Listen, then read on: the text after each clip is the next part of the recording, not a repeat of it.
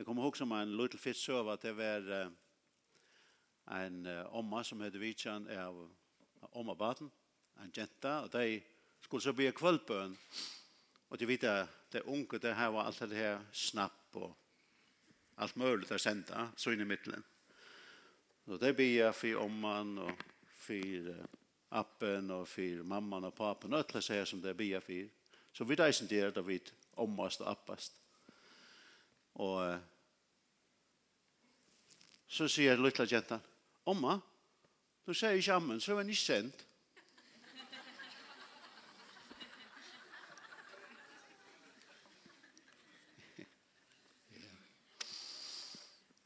Jeg heier skriva et evne.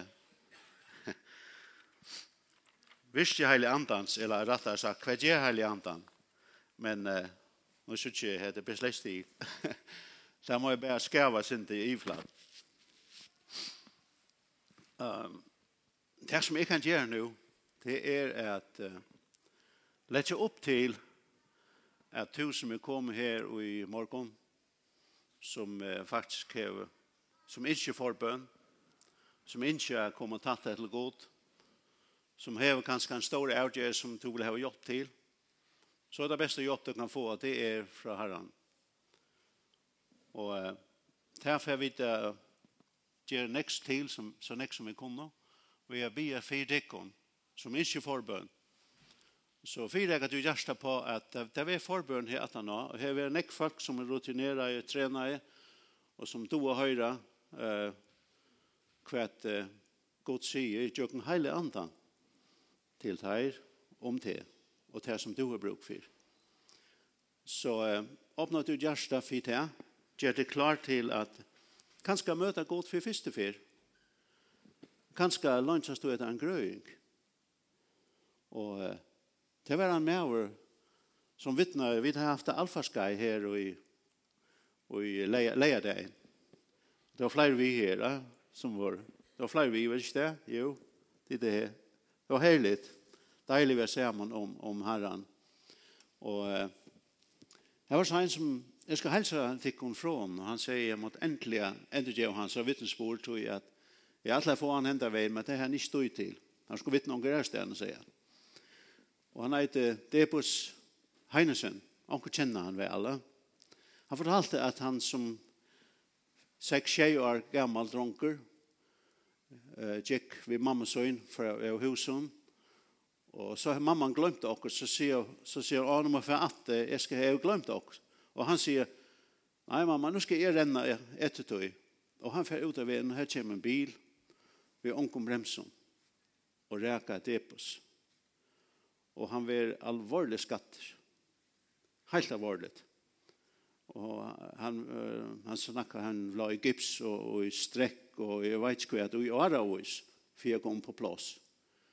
Og det enda så vi at da han var så på en gång för allt det där så ändrade vi att det var en mån av beinene på i allt han säger mellan 4,5 och 4,8 cm ölen och aktigt det där lackna det skraset i journalen. Och då man han leva vi så han checkar sin skiv allt och Och de som känner han var ikke at han kan sin skreive.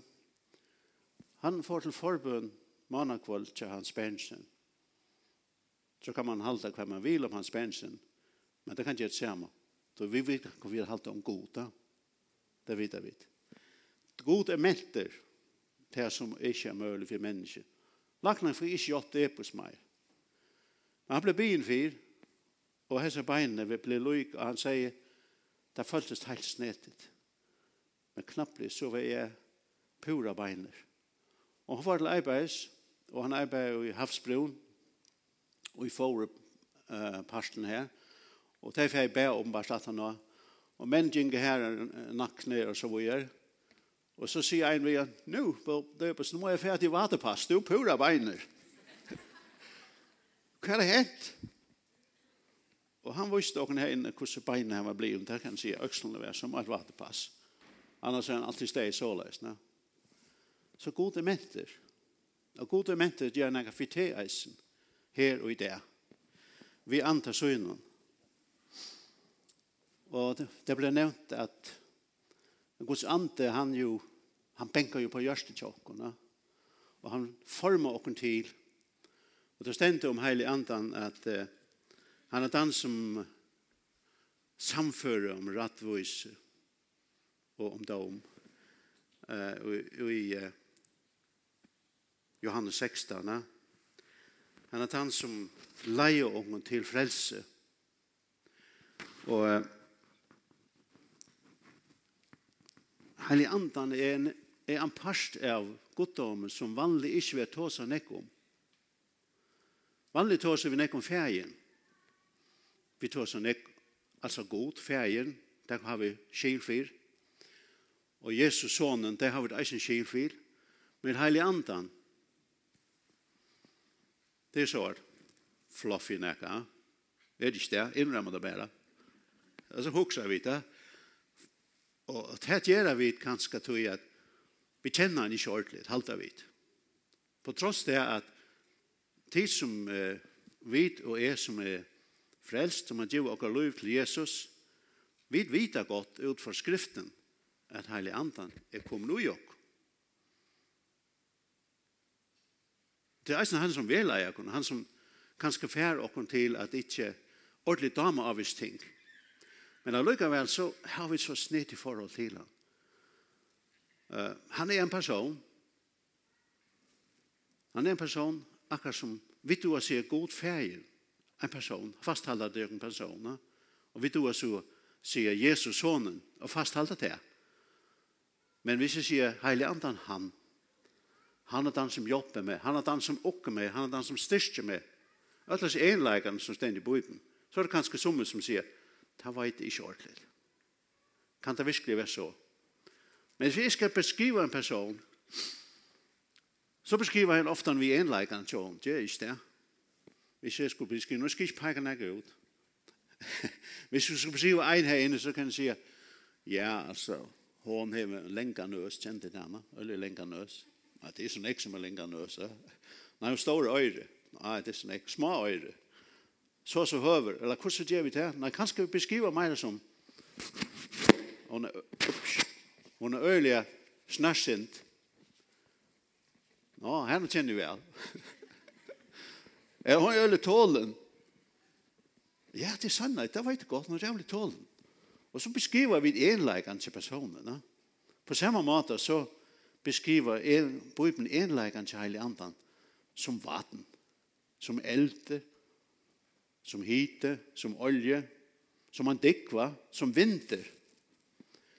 Og han som hever, vi tar etter forbøn her inne i Alfarskai, og vi bau for kvann annan, det er alt vi bau ut for kvann annan. Og så bau vi for en, og så sier, hva føler du? Ah, jeg blir så heit. Jeg blir heit, ja. Ja, men det gjør jeg faktisk hver for jeg bier, og sier, god, kom nær til morgen, så blir jeg så heit. Når jeg kjenner det, ja Onke ærlig, onke ærlig her inne. Jo, det er noe ærlig. Godt gulv er sikkert det. eller, eller det er som en fosser. Du er bare riven vi. Ja? Heile andan var riven vi. Kjenner det at man kan, og en låsang, være riven vi. Og ikke prøys at det er godt. Og så bare fått at du var takksom. Og du var ikke alle kvitt og gjør det her, men det er jo lata litt altså mennesker som sier at, at standa opp og sier, God elsker det, jeg er ikke bare å være sammen med det, hva feiler som er han? Det tog Guds ande ordentlig har finnet fæt ui han. Og et er vi har finnet andan da vi blir frelst. Men et annet er vi kommer bli vi å få mer av Guds ande. Og til at Guds ande bor i åkken. Først ferdig opp det til. Til er var en Etna hu ena för allmänt kallar meg en vask, vask, väskeägde hedning. Alltså, off allmänt, öd vita det. och det var ju virkliga. Alltså, kristendom är uppvaksen. Onke, vi där i, vi har inte en bibel. Onke, du, jag ser en bibel så. Eh, konfirmera och så vidare och vattna döpt. Men Nytt testamentet, der vidste det kan Gamla testamentet, men annars så drivet her, så visste evangeliene, men jeg visste ikke gudene. Men så begynte Gud å kattle av meg. Han kattle av meg på imiska måter. Fikk hun at uh, ganga i kyrkje. Og jeg får en kyrkje her, en kyrkje her, og jeg, jeg følte meg ikke vel, og jeg var i tjonen, og mye alle andre var i for fors. Jeg skjønner, så jeg tar kanskje jeg her, Og så, så får jeg nekk forskjellige stedene, men ikke metta jeg meg på nækka som helst måte. Og så skulle jeg kjøpe en bibeltong. Jeg må få kjøpe en bibel. Det må være her svære og i.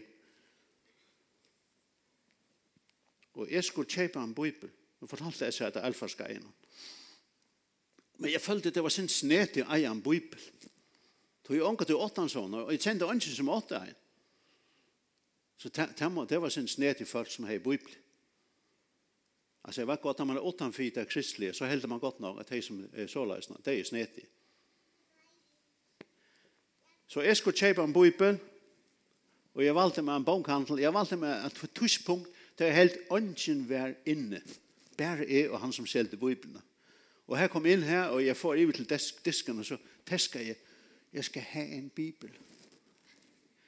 Og så brøla jeg sin med henne at det, ja, hvad slags skal det være? Skal den være skin, eller skal det være almindelig udgave? Ud hos ser man kom folk ind, jeg tænkte, åh oh, nej, hvor kunne den her råber så hardt det smør? Og jeg fik min bibel, og jeg får hjem. Hvordan læser man en bog? Så jeg etter, det er mye der. Ja, det gjør det. Og det var rævleika, han var frygtelig som god. Ja, han hakk høgt alt nyer, han hadde tømt ikke for langt fram. Han hadde håpløst, nei, skilt han ikke. Og jeg leste evangelien skilte ikke. Hvor skilte jeg ikke? Jeg hei ikke heile andan. Det var heile andan som var lærte min eie opp. Og det er så endelig jeg møtte Jesus. Så ble jeg før jeg leser, altså her, Bibelen, jeg viser i etna, da var vi ikke stift, og jeg får lese, jeg ser det lagt harsht, og hun, jeg leser, jeg leser, jeg leser, vi kvarst så sier hun, åh, nå skiljer jeg hatt det. Ha, sier, skiler hatt det, du har alltid lest Bibelen. Ja, men nu läste du det dansk. Nu skilde det knappt det. Och så vill korsa ärka med sig. Läs Salm 119 för mig. Ja, ja, 119. Ah, det är så lenge. uh, så, alltså, det, och så møtte jag alltså bare Jesus. Så är jag gerande. Jeg får en sånn møte. Nekka som heter her. Og her var med over. Hoksa til han visste alt om meg. Det var akkurat som han tog seg bant inn til moen. Og jeg tenkte, jeg fikk det så kjeilig. Så jeg tenkte, vi setter noe rett, hvis nå Jesus er til, hvis nå Jesus er en hvis hadde vi god passer, så har vi jo alt det som jeg har planlagt. Jeg har planlagt det hele, flott karriere, jeg har planlagt, jeg skulle ha en flott villa, jeg skulle ha en Volvo og alt det der. Jeg skulle ha, det tror vi, villa, Volvo, villa, Volvo og Vauhund. som det heter danskon. Men hvis det er rett, så må det lov, mot ikke særlig verdt, så er jeg satset for kjærst. Så jeg tenkte, jeg må bare slippe meg ut her. Problemet er at jeg kommer ut om, så blir det ikke verdt. Og jeg får, jeg sier ved Etna, «Gjev en kopp te?» Ja, sier hun. Og vi får i bussen heim, her som Etna bor, og Og jeg vil komme inn, og jeg setter meg bærne i stålen og sier, etna ønske til, nå vil jeg vite om Jesus er til. Men du har bare en møleger, sier etna. Du må bia. Bia? Er er du ikke bia? Jeg har aldri bia. Ja, men... Uh, bia, bia, snakker vi Jesus, sier han. Og så ber jeg en fantastisk bøn, du må gjerne skrive ny. Jesus, hvis du virkelig vis mig det så. Fikk du det vi?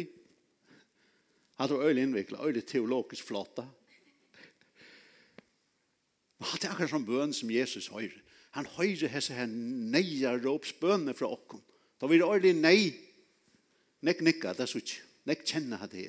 Da vil det øyelig nei, og vi faktisk har bare nesten et år, som ein sier en av er det klar å skrive en bøn i, jeg har han til fantastisk. Hjelp! Og jeg ber seg bønene, og det kom bare, altså jeg har lyset om at det kom en ni i Jesus. Det kom ikke en ni i meg, men det var akkurat som det kom nækken i meg, som jeg ikke kan forklare, den der i det. Men det gjør det bare det, for det første, jeg får turbrøla, hennast, jeg fikk en fantastisk fri, som jeg omgatt og jeg mistet at det. Jeg var aldri jeg var søyan, den løtan, jeg forstand ikke, det er ologisk. Men det var jo et andardit liv jeg fikk, jeg fikk en sånn sikkleika ui at Jesus var veldig, og alt hitt kunne gjøre det samme. Ville våse og ville Volvo og våse, det kunne gjøre det samme. Nå var det Jesus. Og jeg har vært en Jesus-frik sujan. Simpel hen. Sint om en i. Nei, ikke nek ni. Heit nek opp. og jeg vil bare ha meire opp. Når jeg unge har spørs meg vi kvart, ja, hva skriva, hva forklara, hva du hever da, hva er det vitt det? Jeg sier, hva skal jeg ha et år? Et år. Langsel. Langsel. Og hvis du ikke har en langsel i hjertet, her og nå, hvis du er nøgt ved en støv og bant nå, og sier, hatt det godt, jeg har det fint her, jeg har ordnet tingene, økonomien på plass, Og hun har vært arbeid, møter sånne der, alt i orden. Så løsne. Blant ikke for en eksamen. Her var tingene ikke til et skilt. Hvis du hever det, eller hvordan du enn hever det, så er det ikke godt nok. Det er ikke godt nok. Det er ikke godt nok å være nøkt ved tunn støve på nå. Hvis du ikke hever en langsel, sier, jeg må heva, jeg må finna ett år, jag må lära ett år, jag må fia, hva sier det? Jag må bli frälst, jag må bli døpt, jag må komma tatt här till god, jag må få mig i heilig andan. Så galt jeg det. Og så är det. Jeg vet inte galt jeg med hvis jag kommer här till och begynner å slappa av og säga nu ska jag färd til en riffa, nå er ikke galt vid färd till en riffa, for innan slag. Men de är eisen så. Alltid tider slappa av, det ska man göra kursen. Men hvis det er et innhold i ditt liv er bare et mål som har materialisme å gjøre, så måste du revidera ditt liv. Då måste du säga, hva blir min langsel av? Hva er det som hender ved meg? Hva er det til jeg mister hans første kærleikan?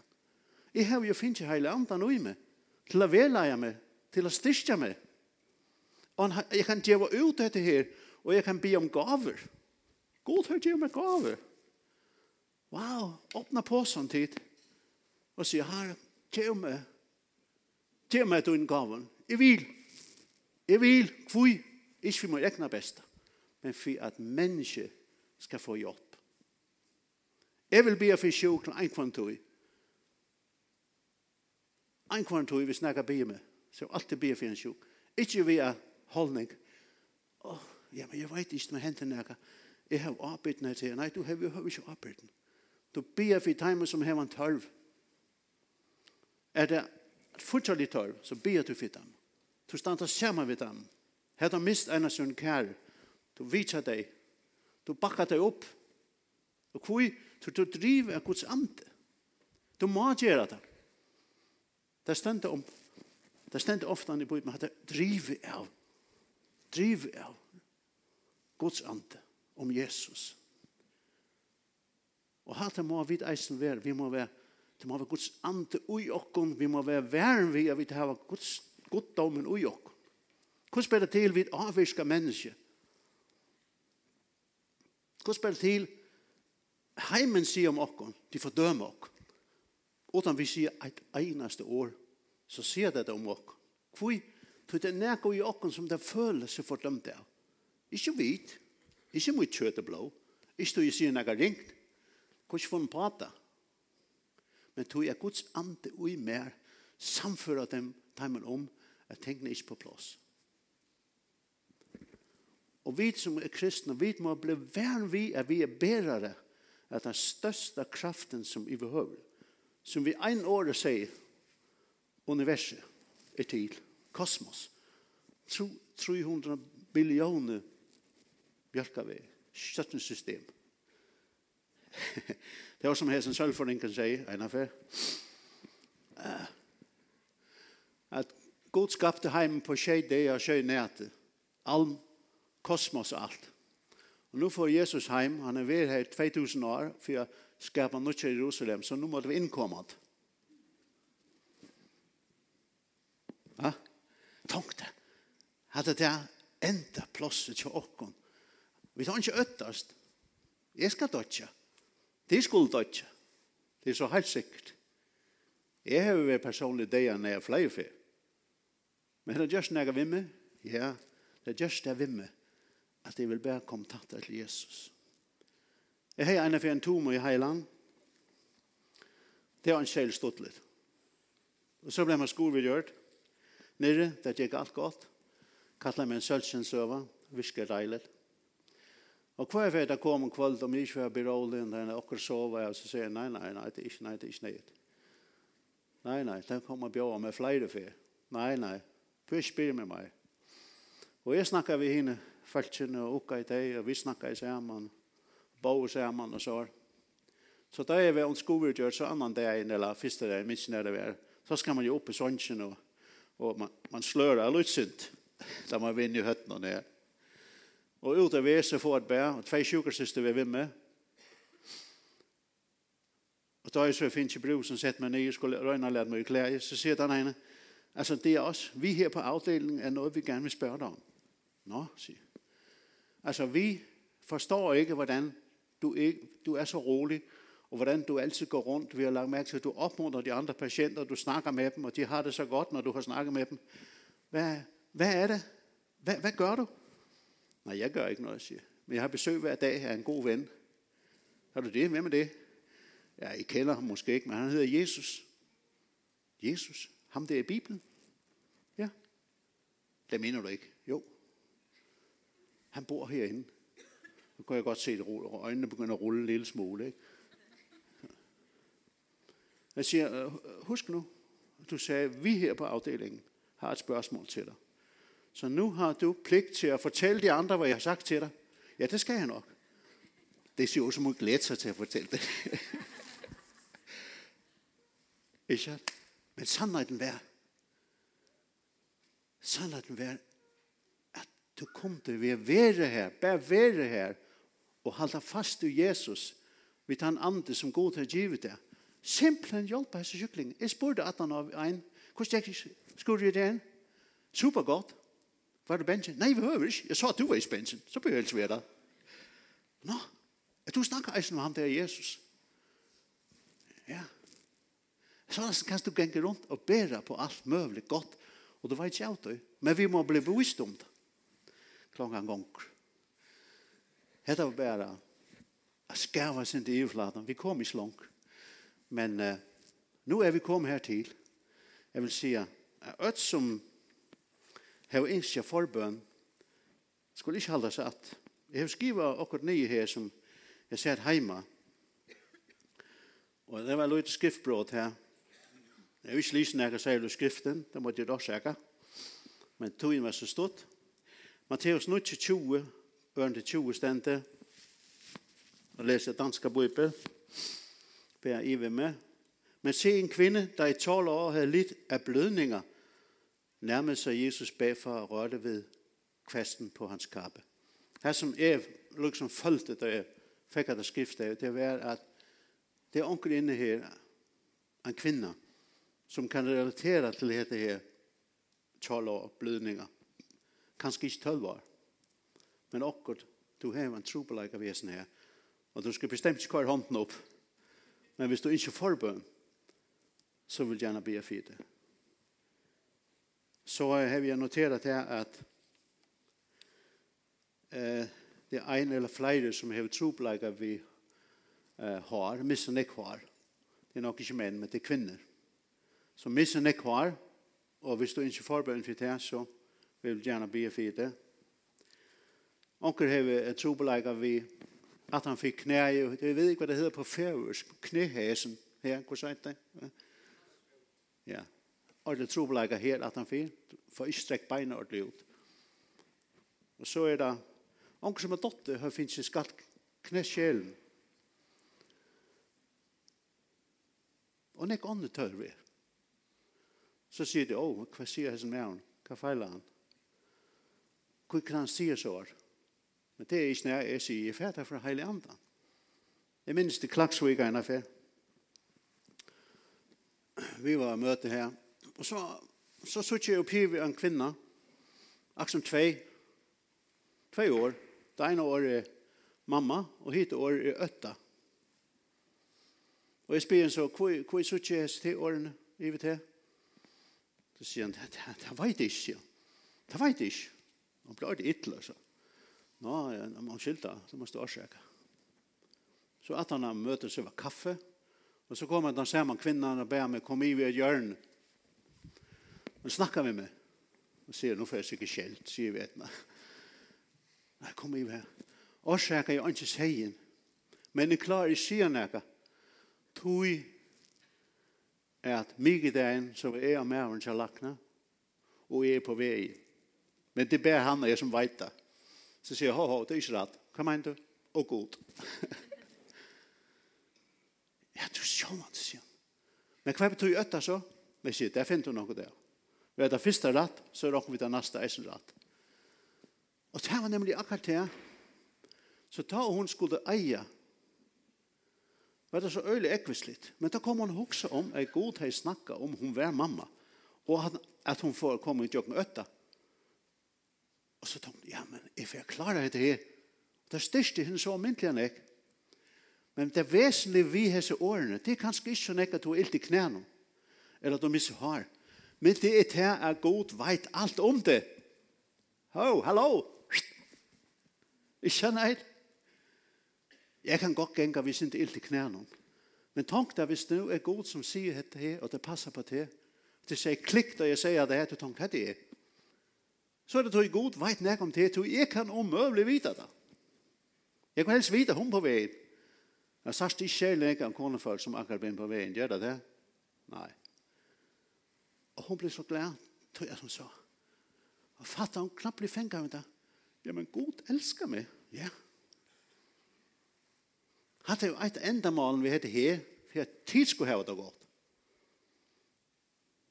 Og jeg vil gjerne være brukt av Gud. Når vi bygge sammen, vi tikker hun.